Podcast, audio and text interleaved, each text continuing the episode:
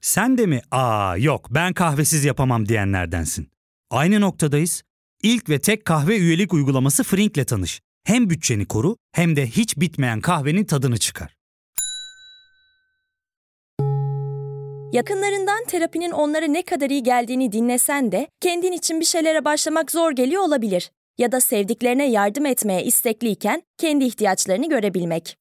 Hayvel, uzman psikologlarıyla kendi ihtiyaçlarını bulmanda sana destek olacak. Terapi yolculuğuna başlamak için detaylı bilgi bölümün açıklamalarında. Herkese merhaba. Depremin 19. günü geride kaldı. Bu kaydı 24 Şubat'ta alıyoruz. Son açıklanan verilere göre ölü sayısı 42.310'a yükseldi. 20 Şubat'ta Hatay merkezli iki artçı deprem daha yaşandı. Zaten yıpranan binaların bir kısmı bu depremlerde de çöktü. Bu esnada göçük altında kalan 6 kişi hayatını kaybetti. Hepimizin başı sağ olsun. Kaynaklarımızın yetmediği böyle bir deprem bilinmesine rağmen depreme yeterince hazırlık yapılmadığı ortada. Kaynaklarımız olmadığı için önceliklerimiz oluyor. Sıraya sokuyoruz kaynaklarımızı. Ya da öncelik sıralarımızın olması bu afette kaynaklarımızın zorlandığı anlamına geliyor. Herkese yetecek çadır yoksa mesela önce evi yıkılanlardan başlanılıyor. Sonra ağır hasarlılar ardından orta ve hafif hasarlılar. Bunlar kağıt üzerinde güzel görüne olabilir ama gündelik hayat öncelik sıralamalarımızdan çok daha sert yaşanıyor. Sokakta kalmak zorunda olup çadırı olmayan insanlara sen sıranı bekle çünkü öncelik ağır hasarlılarda. Sizin ev orta hasarlı, bizde de yeterince çadır yok diyemiyorsunuz. Hele ki bu hava şartlarında. Enkaz kaldırılırken yeterli kurtarma ekibi yoksa önce hangi enkazdan başlayacaksınız? Çadırınız yoksa önceliği kime vereceksiniz? Köyler mi öncelikli yoksa kentler mi? Medya mensubusunuz mesela. Nereyi çekeceksiniz? Kurtarılmayı bekleyenleri mi yoksa kurtarılanları mı? Hangisi öncelikli? Neyi neye göre feda edeceksiniz? Bu bölümün konusu da bu sıralama olacak. Öncelik sıralamamız. Ben Ozan Gündoğdu. Hazırsanız başlayalım. Akevler Mahallesi Rüzgar Sokak Azim Apartmanı. Hala ulaşan kimse yok. Apartmanın arka tarafından babamın sesi geliyormuş. Ama şu anda geçilmiyor arka tarafa. Allah rızası için yardım gönderin. Bizim işimiz seni kurtarmak. 30 saattir babamın cansız bedeniyle buradayım. Marketten soyduklarımız bunlar. Bunlar da yaşıyoruz. Herkes bir şey aldı koydu burada 15 kişinin yiyeceği var. Resmen hırkızlık yaptık kızım. Hava soğuk. Geceleri eksi 2, eksi 3 derece oluyor. Altı çadırı zordan bir tanesini alabildik. Yetkili mercilere kızıyorum. Çünkü bizi kaderimizle baş başa bıraktılar. Kaderimizle bize baş başa bıraktılar. Bu memlekete kimse gelmesin lan. Ne o işin ne başka bir şey için. Bizi kaderimize terk ettiniz lan. Bizi kaderimize terk ettiniz. İçecek suyumuz yok. Yiyecek yemeğimiz yok. Çocuklarımız donuyor lan. Çocuklarımız donuyor lan. Türkiye kuşaklar boyunca nadiren görülecek bir insani dram yaşıyor ve insani reaksiyonlar gösteriyor. Öfkeleniyor, ağlıyor, belki bir şokla hissizleşiyor, duyarsızlaşıyor. Psikolojik sorunlardan en yaygını ise akut stres bozukluğu. Üsküdar Üniversitesi'nden psikiyatr doktor Emre Tolun Alıcı 3 yıl önce yayınlanan konuya ilişkin bir bilgilendirme videosunda yaşadığımızın bir travma olduğunu şöyle tespit etmiş. Travma sonrası stres bozukluğuna sebep olan travmaları şöyle tanımlıyoruz. Kişide yoğun bir ölüm korkusuna, çaresizliğe, beden bütünlüğünde bozulma, yaralanma ya da cinsel travma gibi ya da o sırada yaşamı tehdit edecek bir şeye maruz kalma, bir olaya, bir duruma ya da buna şahit olma şeklinde tanımlıyoruz. Bunlara ne tür örnekler verebiliriz? Örneğin deprem gibi, doğal afetlerin hepsi aslında sel, yangınlar. E, Travmaya hepimiz maruz kaldık. Kimimiz doğrudan, kimimiz dolaylı olarak. Doğrudan maruz kalanlar çok daha büyük sancılar yaşıyorlar. Dolaylı maruz kalanlar ise içine atıyor çoğu zaman. Bu nedenle son derece insani tepkiler geliştiriyoruz. Tüm bunlar yaşanırken çoğumuz kendi başımızın çaresine bakmakla sorumluyuz. Çünkü hepimizin bir araya gelerek yarattığı toplumsal kaynakları idare edenler böyle bir afete yeterince kaynağı ayırmış değil. Mesela eşim Zeynep düdük ve el radyosu almış bizim eve. Evimiz çöker de enkazda kalırsak sesimizi duyurabilmek için düdük gerekebilir diye. Şimdi böyle bir endişe halinin sürdürülebilir olmadığı ortada. Dolayısıyla bu endişelerimizi dizginleyebilecek bir planın önümüze konması lazım. İktidar cephesi ise burnundan kıl aldırmadığı için böyle bir plana yeltenemiyor.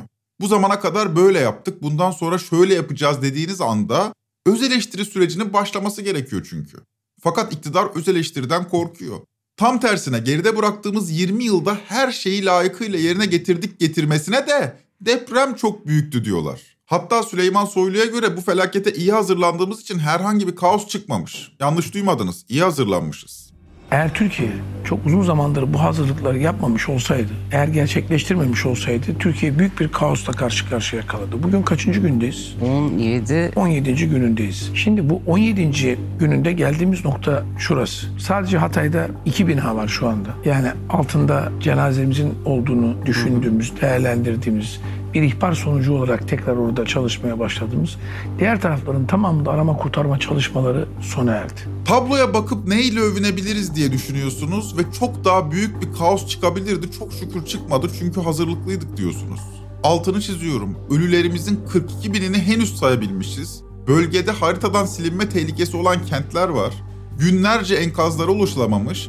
Çadırı olmayan vatandaşlar var 19. günde. Ölülerimizi saymamız haftalarca daha sürecek ama siz iyi ki hazırlıklıydık diyorsunuz. Ya bunlar çok tuhaf açıklamalar değil mi?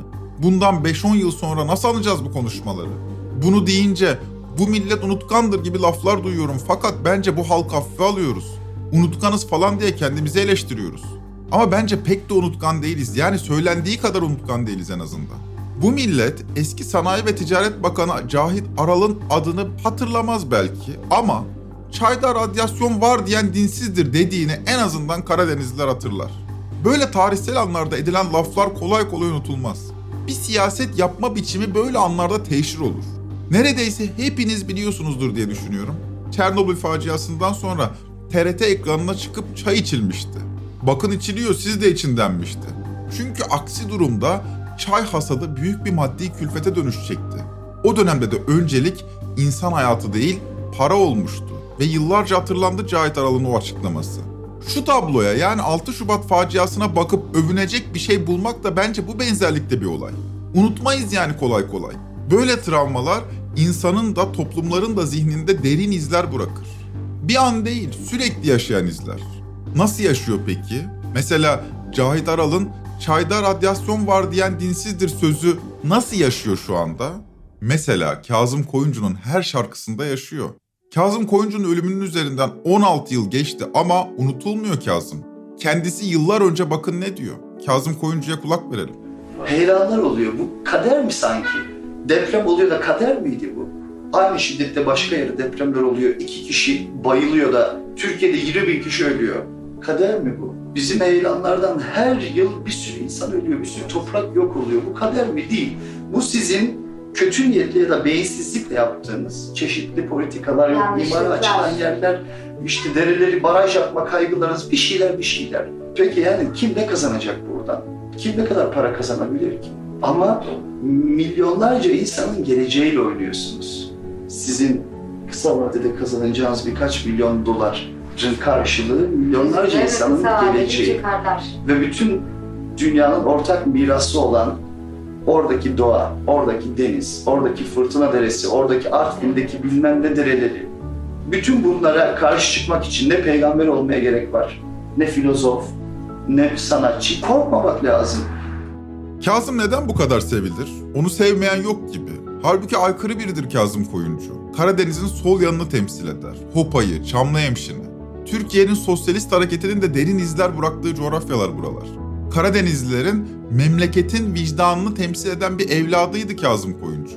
Herkesin sevip sahip çıktığı bir Karadenizliydi. Dolayısıyla o kadar da unutkan bir millet değiliz. Ya şu laflar büyük gaf değil mi? 17. günün sonunda arama kurtarma çalışmalarının sona ermesiyle övünüyorsunuz. Birçok enkaza ise henüz dokunulmuş bile değil ve siz diyorsunuz ki iyi ki hazırlıklıydık. Tam da bugün hazırlanmıştık. Ya demezler mi siz bize dalga mı geçiyorsunuz diye? Bence derler. Bugün denmezse yarın derler. Karadeniz'in sol yanı Kazım Koyuncu demiştik. Bir de sağ yanı var tabii. Oldukça milliyetçi, üstünlükçü fikirleri olan somurtkan tipler. Bu tipleri biliyorsunuzdur. Hatta ne deniyor şimdi? Karadenizli müteahhit. İşte bir Karadenizli müteahhit demokrasi yaşıyoruz şu anda. Karadenizliler bu tiplerle şimdiki zamanlarda gurur duyarlar da gelecekte unutulan basit tipler olur bunlar. Para ve güç hırsıyla yaşayan tipler. Bir de onların etrafını koruyup kollayan bir Karadeniz sağı da var. Genelde Karadeniz sağcılığıyla bilinir ama şahsen bundan rahatsızım. Çamlıhemşin'den Arhavi'ye, Borçka'dan Hopa'ya kadar solun çok güçlü olduğu ilçeler var. Kazım Koyuncu onların çocuğudur. Karadeniz'in solunda durur. Devlet ne için var? Bütün modern toplumda devlet benim için var ya. Topluluk için de değil, bütün halk için de değil. Ayrı duranlar için, daha marjinal gibi duranlar için, hayata tehlikeli olanlar için devlet vardır. Ya hukuken böyledir yani. Karadeniz siyasetimizi yönetiyorsa o bölgeye daha yakından bakmak lazım belki de. Aynı coğrafya, aynı kader, aynı toprağın çocukları. Bir yanda Kazım Koyuncu, diğer yanda Abdurrahman Uzun. Bir YouTube fenomeni. Ciddiye alma diyebilirsiniz ama YouTube'da 738 bin abonesi var. Ne diyeceğiz şimdi? İktidar televizyonlarına falan çıkarıyorlar. Bugünün değerlisi yani. Dostlar şu anda Türkiye'nin dört bir tarafında teknik liselerde dahil yani bu tekstil üzerine olan teknik liselerde dahil çadır üretiliyor. Arkadaşlar yer küçük bir yer değil. Depreme maruz kalan 50 bin 100 bin kişi değil 15 milyon insanın etkilendiği bir büyük felaketten bahsediyoruz. Çadırlar peyderpeyi kuruluyor. Çadırların hepsi kuruluyor arkadaşlar. Ve burada hiç kimse dışarıda kalmıyor. Evet belki 3 gün, 5 gün, bir hafta, 10 gün arabada idare ediyor. Bir köy evine çıktı ona idare ediyor. Şimdi bir de insanlar mesela geçen hafta ailelerini götürdüler başka şehirlere. Şimdi kendileri geldi. Gelince tabii otomatikmen çadır ihtiyacı var. Çadırlar kuruluyor. Her tarafta kuruluyor ama çadır uzun soluklu bir yer değil. Sikletler bu kadar farklı işte. Birinin dedikleri yıllar sonra bile tutarlı. Yıllar sonra bile Kazım Koyuncu bakın ne demişti diye sosyal medyada paylaşılıyor. Diğerininkinin üzerine daha şimdiden bile konuşmaya değmiyor. Biz bunların kimi savunduğuna dönelim. Kim için bunca dil dökülüyor? Çadır geliyor, az sabır gösterin diye kim için yalvarıyor bu kişiler? Evet, iktidar için. O halde iktidar gücünün önceliği belli. Öz eleştiri verirler mi? Nasıl bir dili benimserler diye bu zamana dek bekledim. Fakat artık 3 aşağı 5 yukarı sürecin hangi üslupla ilerleyeceği belli oldu. Eleştirilere kulak tıka, bilançoyu kabullen, asla öz eleştiride bulunma, övünülebilecek işleri vitrine koy ve parlat. Övündüğünüz şey ne peki? Çok daha büyük bir kaos çıkmasını engellemek. Savunmanız ne peki? Deprem çok büyüktü, havada çok kötüydü. Peki bu esnada ideolojik bir arka planınız var mı? Hainler devrede, devlet millet el ele. Bu arada bugün tam da böyle savunuluyor iktidar. Moral bozmayın deniyor. Peki tamam, hainler devrede, devlet millet el ele. Hadi tamam. Mesela Mine Tugay o kadar yardım toplandı. Belediye başkanı telefon bağlantısında çadır istiyor. Evet herkes bir şeyler istiyor. Ama hani sıralamaya göre sıralamadan kastım şu. Ya şimdi eğer devletin elinde olur çadır da bunu vermez hep beraber kızalım buna. Veya devlet eksik olan çadırları giderme konusunda bütün atölyeleri, bütün fabrikaları devreye sokmazsa gelin kızalım onlara. Ama şu anda abi eksikler gideriliyor. Az sabredin lütfen. Sosyal medyada bunları yazdığınız zaman bir şey hallolmuyor. Sadece milleti daha kızdırıyorsunuz. Milletin daha bir sinir sistemini bozuyorsunuz. Biraz pozitif cümleler kuralım ya. Biraz kuralım. Ya böyle bir savunma olur mu? Bugünü bağladınız diyelim. Medyaydı, dindi. Bir biçimde bu milletin zihnini manipüle ettiniz. Tarihe nasıl geçeceksiniz? Hükümet 48 saat enkaza ulaşamadı. Ama aman kızmayın çünkü deprem çok büyüktü mü diyeceğiz sizce gelecekte. Böyle demeyeceğimiz açık. Dolayısıyla tarihe karşı kaybetmek şimdiden büyük şeydir bana kalırsa. Mesela 6 Şubat günü öğleden sonra Tayyip Erdoğan'ın ilk açıklaması şimdiden tarihe geçti. Daha 19. gündeyiz şimdiden tarihe geçti. Arka fonda mavi dijital ekranlar, çalışmaya devam eden personel böylece bir olağanüstü hal havası veriliyor. Erdoğan koltuğunda çok sert bir tonlamayla karşımızda. Hatırladınız mı o görüntüyü? O konuşma mesela tarihe şimdiden geçti. O konuşmayı bir daha dinledim bu sıralarda. 50 yıl sonra da konuşulacak bu konuşma. Artık 50 yıl sonra nasıl analiz edilir bilmiyorum. Bugünden bakınca bile bence tarihi. Bakın ne diyor Erdoğan. Şu ana kadar 54 bin çadır, 102 bin yatak ve diğer ihtiyaç malzemeleri afetzedelere ulaştırılmak üzere bölgeye gönderildi. Ne var bunda diyebilirsiniz. Henüz 12. saatteyiz. Yola çıkan görevli AFAD personeli sayısı 53 bin. 6 Şubat'ta çöken bina sayısı 10 ilde 20 binin üzerinde olduğunu şimdilerde öğreniyoruz. Ama bu tablo 19 gün önce hakikatti de biz bilmiyorduk. 53 bin personel o gün kulağa dolu dolu geliyordu ama her binaya sadece iki personel düşüyor aynı anda yetişseler bile. Bir de günlerce izlediğimiz kurtarma videolarındaki personel sayısını gözünüzün önüne getirin. Binaların başında kaç insan vardı? Bu boyda bir depreme bu kadar kaynak ayırırsak bugünden farklı bir sonuç beklememeliydik. Kendi deprem gerçeğimize uygun davranmadık. Hal böyle olunca yani kaynaklarımız böyle bir afet için yeterli olmayınca önceliklerimiz başlığı oluşuyor. Sırayla ya biraz sabredin deniyor.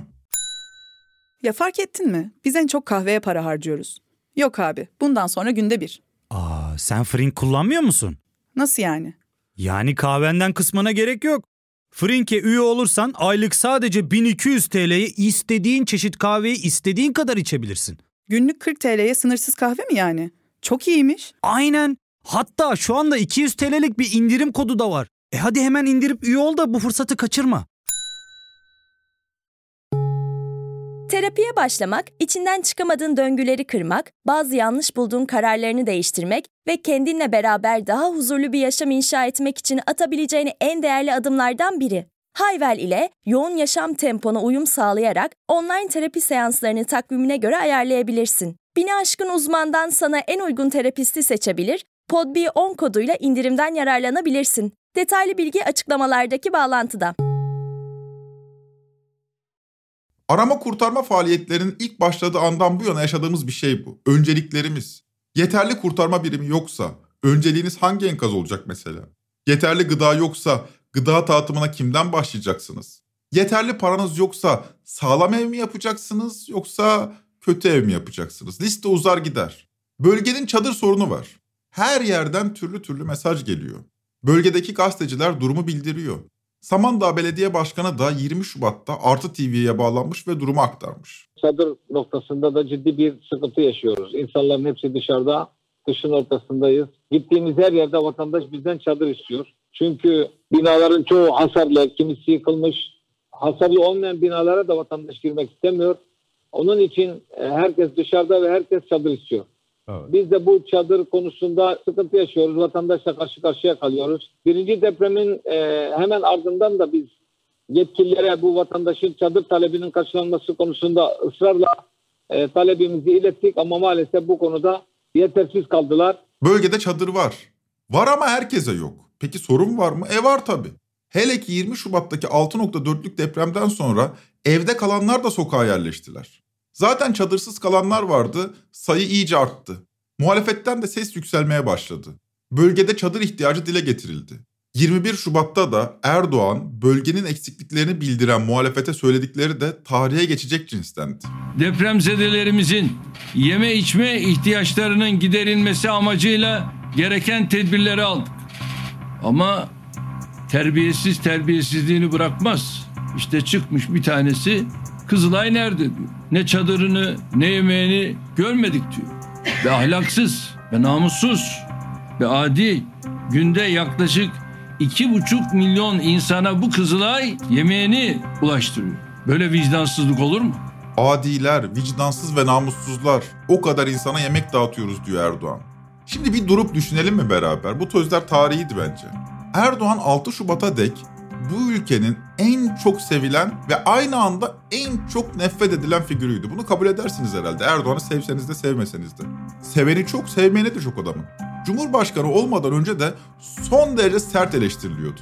Zaten kendisinin de son derece sert bir dili olduğunu biliyorsunuz. Bunlar böyle. Bunlar çürük. Bunlar sürtük. Şimdi zamanında bu dile ilişkin Bülent Arınç her yiğidin bir yoğurt yiyişi vardır deyip geçmişti. Hepimize sosyal medyada ne tür hakaretler ediliyor görüyorsunuz. Neleri yutuyoruz. Fakat Erdoğan bu saldırılardan bir kanunla korunuyor. Cumhurbaşkanına hakaret suçu TCK 299. maddede düzenlenmiş ve hakaret edene 1 yıldan 4 yıla kadar hapis cezası var. Bu suçtan kaç kez dava açılmış diye önceki haberlere baktım. Mesela son Cumhurbaşkanı Abdullah Gül'e hakaret suçundan 848 dosya açılmış. Tayyip Erdoğan'a hakaret suçu nedeniyle açılan dosya sayısı ise bunun tam 45 katı. Tam olarak 38.581. Bu veriye de 2002 yılında açılan dosyalar dahil değil. Bu arada söz konusu kanun eski Cumhurbaşkanını korumuyor. Görevdeki Cumhurbaşkanını koruyor. Onu da belirteyim. Neden belirttiğimi de açıklayayım. Erdoğan bana kalırsa bu süreçte bu denli sert konuşurken geleceği pek düşünmüyor. Yarın Cumhurbaşkanı değişse ve Erdoğan'ı koruyan TCK 299 artık başka bir cumhurbaşkanını korumaya başlasa Erdoğan'a dönük tepkinin üstü bu sizce nasıl olur? Bunca hakarete maruz kalan muhalif halk kesimleri Erdoğan koltuktan indikten sonra nasıl anmaya başlarlar onu?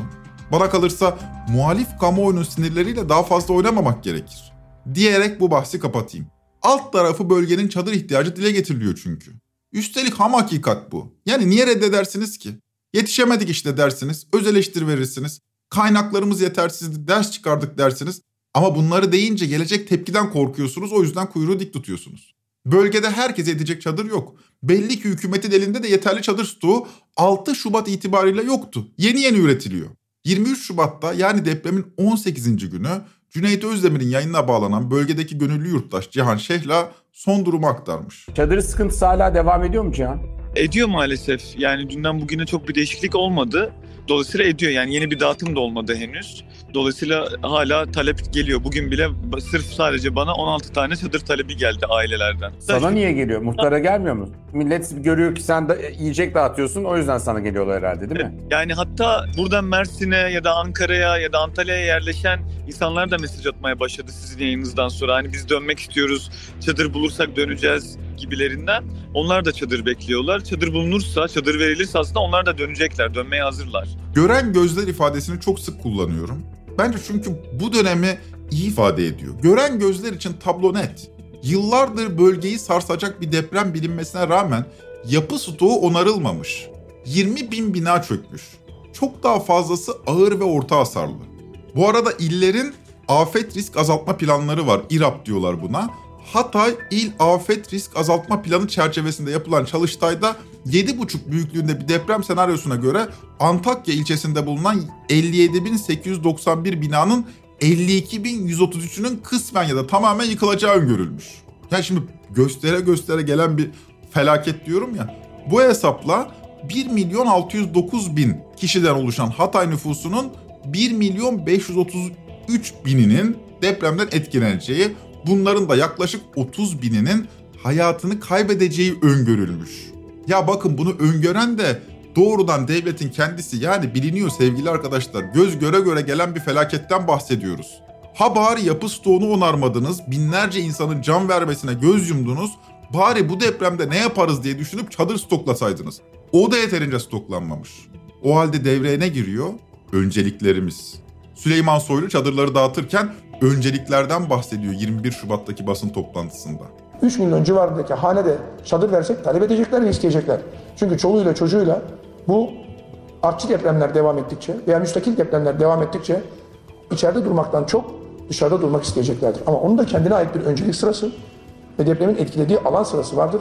Ve buna göre bugüne kadar da sadece afet koordinasyonundan dağıtılan ki bugün de arkadaşlarımız açıkladılar 301 bin çadır söz konusudur. Biz Elazığ ve Malatya depremini 35 bin çadırla bitirdik. Şu anda 301 bin çadır. İşte önceliklerimiz. Devletimiz çadırda öncelik sıralamasından bahsediyor. Öyle herkese yok. Önce evi yıkılanlar ve ağır hasarlı olanlar. E tabi diyorsunuz siz de haklılar. Öncelik onlara verilmeli. Ama durup bir düşünün lütfen. Akışa teslim olmayın. Ya o çadır bu ya. Çadır. Bu işin önceliği mi olur? Altı üstü çadır. 18 günü geride bırakmışız üstelik. Bir iki günde değil. Gıda ve barınmada öncelik olur mu? Önce enkazdan kurtulana yemek vereceğiz, diğerleri biraz beklesin denir mi mesela? Denmez değil mi? Yemek bu çünkü. Ama çadırda da denmez. Çadır da aynı şekilde yani. Millet dışarıda uyurken iki saatte bir birbirini uyandırıyor donmamak için. Böyle bir deprem olasılığını hiç mi düşünmediniz? Bunca uyarıya rağmen kenarda köşede hiç mi çadır stoğu bulundurmadınız? Halbuki Kızılay Başkanı Kerem Kınık 27 Mayıs 2021'de yani bir buçuk yıl kadar önce Malatya'daki konteyner ve çadır fabrikasını açarken nasıl da gururluydu. Sizlerle çok değil bir buçuk yıl öncesine gidelim. Kızılay Başkanı'nın fabrika açılışındaki konuşmasına kulak verelim. Kızılay'ımızın inşa etmekte olduğu Malatya Üretim Üssü'nü ziyaret ediyoruz. Burası gerek bölgemize gerekse de dünyaya nitelikli ürünler sağlayacak olan, özellikle de afetlerdeki barınma ihtiyaçlarını karşılayacak olan ama sadece afetlerde değil, özellikle kentsel dönüşüm, kırsal dönüşüm noktasında uygun şartlarda insanlarımızı hızlı bir şekilde barınabilecekleri fiziksel imkanları oluşturabilecekleri bir fabrika olacak. Aynı zamanda pandemi hastaneleri, seyyar hastaneler, konteynerlar, özellikle yurt dışında çok çok ihtiyaç duyulan hızlı kurulabilen modüler hastaneler gibi pek çok endüstriyel tesis, sosyal donatı ve insani yaşam alanlarının üretilmesi noktasında yenilikçi bir tesis olacak. Elinizin altında hem de bölgede Malatya'da bir çadır ve konteyner fabrikası var. Fakat bu fabrika geçmişte yeterince çalıştırılmamış veya stok yapılmamış. Belli ki stok yok. Neden? Çünkü kaynaklarınızı bu tip bir deprem gerçeğine uyumlu hale getirmemişsiniz. Sonra da diyorsunuz ki ama çok büyük depremde hava da çok soğuktu. Bu lafları bence geçelim. Bunlar günü kurtarmak için edilen ama yarını hiçe sayan laflar. On binlerce insanın ölümünün ardından tek bir istifa gelmedi. Bırakın istifayı dişe dokunur bir öz eleştiri bile duymadık. Tam tersine şu zamana kadar oldukça sert bir dille karşı karşıyayız. Deprem çok büyüktü ne yapalım canım kesin deyip geçiyorlar. Bu dil iktidarın ezberi. Hemen her krizden sonra benzer bir dille karşılaştık bu zamana dek. Fakat bu sefer durum farklı. Azarı kayıp geçebileceğiniz bir felaket değil bu. Üstelik iktidar da eski gücünde değil. Artık kaybetme ihtimali satın alınmaya başlayan bir hükümetle karşı karşıyayız ve son günlerini halkı azarlayarak geçiriyorlar. Bence kendi atlarına büyük yanlış yapıyorlar. Kendileri bilir diyelim. Erdoğan'ın bu sert çıkışlarını bir tür güç gösterisi gibi yorumlayanlar var. Halbuki biraz da güçsüzlük kaynaklı bir isyan onunki. Bu sisteme ilişkin en temel vaadi demokratik olduğu iddia edilen bu sistem içinde daha hızlı hareket edebilmekti. Demokrasinin birçok kurumu idareyi yavaşlatıyordu. Pek çok aksaklığın nedeni de sistemin kendisiydi. Bu nedenle başkanlık sistemine geçilmeliydi. Çünkü yavaş kalıyorduk birçok afette. En azından böyle söyleniyordu. En temel vaat buydu işte. Kazım Koyuncu'yu unutmadık belki ama bu temel vaadi unuttuk. Erdoğan'ın şu konuşması 2015 yılına ait. Demokratik sistem içinde hızlı karar alabilme, hızlı uygulama mekanizmalarına ancak başkanlık sistemiyle sahip olabiliriz. Bunu bu 12 yıllık başbakanlık dönemimde yaşadım. Gördüm. Yani damdan düştüm. Ve damdan düşerek de ha nerede bir sıkıntı var bunu bizzat yaşadım. Nerede eksik var? Bunu bizzat yaşadım. Bu konu sıradan bir teori olayı değildir. Teorinin pratikle, uygulamayla bütünleşme olayıdır. Bu konuşulmaz, bu yaşanır. Bu kadar merkezileşmiş bir devlet mekanizması yerel ölçekli bu tip olağanüstü durumlarda yavaşlıyor. Bunu anladık. Halbuki 16 Nisan 2017 başkanlık referandumunda tam tersi olacağı iddia edilmişti evet çıkarsa. Evet çıktı fakat aradan geçen 6 yılda daha kötüye gittiğimiz ortaya çıktı. 99 depreminden bile daha kötü atlatıyoruz süreci. Devlet çok daha hızlı karar verecekti oysa ki. Erdoğan çok büyük konuştu ve kendi sistemini kurdu. Fakat bu sistemin tel tel döküldüğüne tanıklık ediyoruz bugünlerde. Bu sistemde devlet 2-3 yıl sonrasını bile planlayamadığı, böyle bir kapasitesi olan kurumları olmadığı için hazırlık yapamıyor. Facia geldiğinde ise uzun süre talimat bekliyor, çalışamıyor. Devlet nerede diyenlere de azar kayıyor. Devletimiz diyor havi, hakim ve hadimdir. Her yerdedir. Türkiye'de gelenek her şey devlet için. Hayır efendim ya devlet benim haklarımı korumak için var. Ben devleti korumak için de çaba sarf ediyorum. Koskoca devlet yani. Bu sistemin koltuk sahipleri de kısa vadeli düşünüyor. Demek ki zamanda da bir öncelik sıralaması olmak zorunda. Çünkü yarını hesap edebilecek kapasite yok. Kapasite yoksa öncelikleri olması lazım. Bu durumda öncelikleri yarın değil bugün. Çadır meselesinin bu kadar gündem olmasının biraz da sembolik bir önemi var. Uzun vadeyi planlayamayan, planı olmadığı için çadıra muhtaç kalan, fakat onu da hazırlıklı olmadığı için stoklayamayan bir sistemden bahsediyoruz. İktidar yarını planlayamadığı için hep bugün önemli. Bugünü kurtarmaya odaklanırken yarın gelecek felaketleri bekliyoruz. Kıtlık siyaseti bu. Yeterli kaynak yoksa önceliklerin siyaseti. Çadır siyaseti işte. Günübirlik, geçici. Ama günübirlik düşünenleri tarih affetmiyor maalesef. Bugünü kurtarmak için türlü taklalar atıyorsunuz ve bir biçimde insanların zihnini karıştırabiliyorsunuz.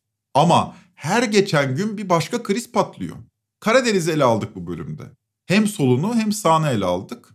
Kazım Koyuncu'yu da bu yüzden andık. Çayda radyasyon var diyen Sanayi Bakanı Cahit Aralı da.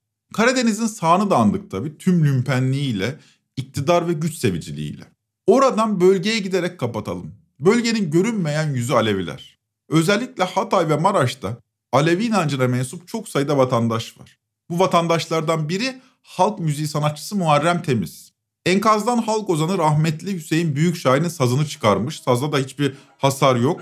Enkazın başında da değişini söylemiş bu sazla. Derdi hakla aşka düşen aşıklar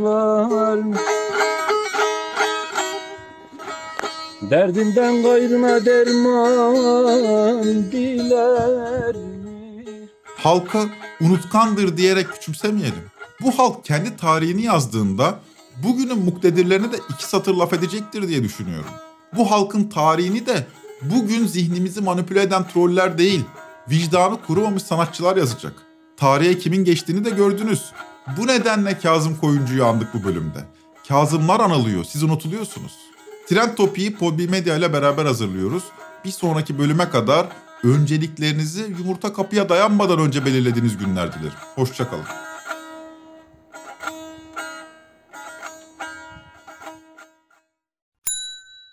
İlk ve tek kahve üyelik uygulaması Frink, 46 ildeki 500'den fazla noktada seni bekliyor. Açıklamadaki kodu girerek sana özel 200 TL'lik indirimden faydalanmayı unutma. Hadi sen de Frink üyeliğini başlat, kahven hiç bitmesin. Hem bugününe hem yarınına katacaklarıyla terapi yolculuğuna ve daha iyi hissetmeye bugün Hayvel ile başla. Açıklamadaki linkten Hayvel'i indir, ücretsiz tanışma görüşmelerinin ardından bütçene uygun seans paketini seç ve terapi yolculuğuna başla.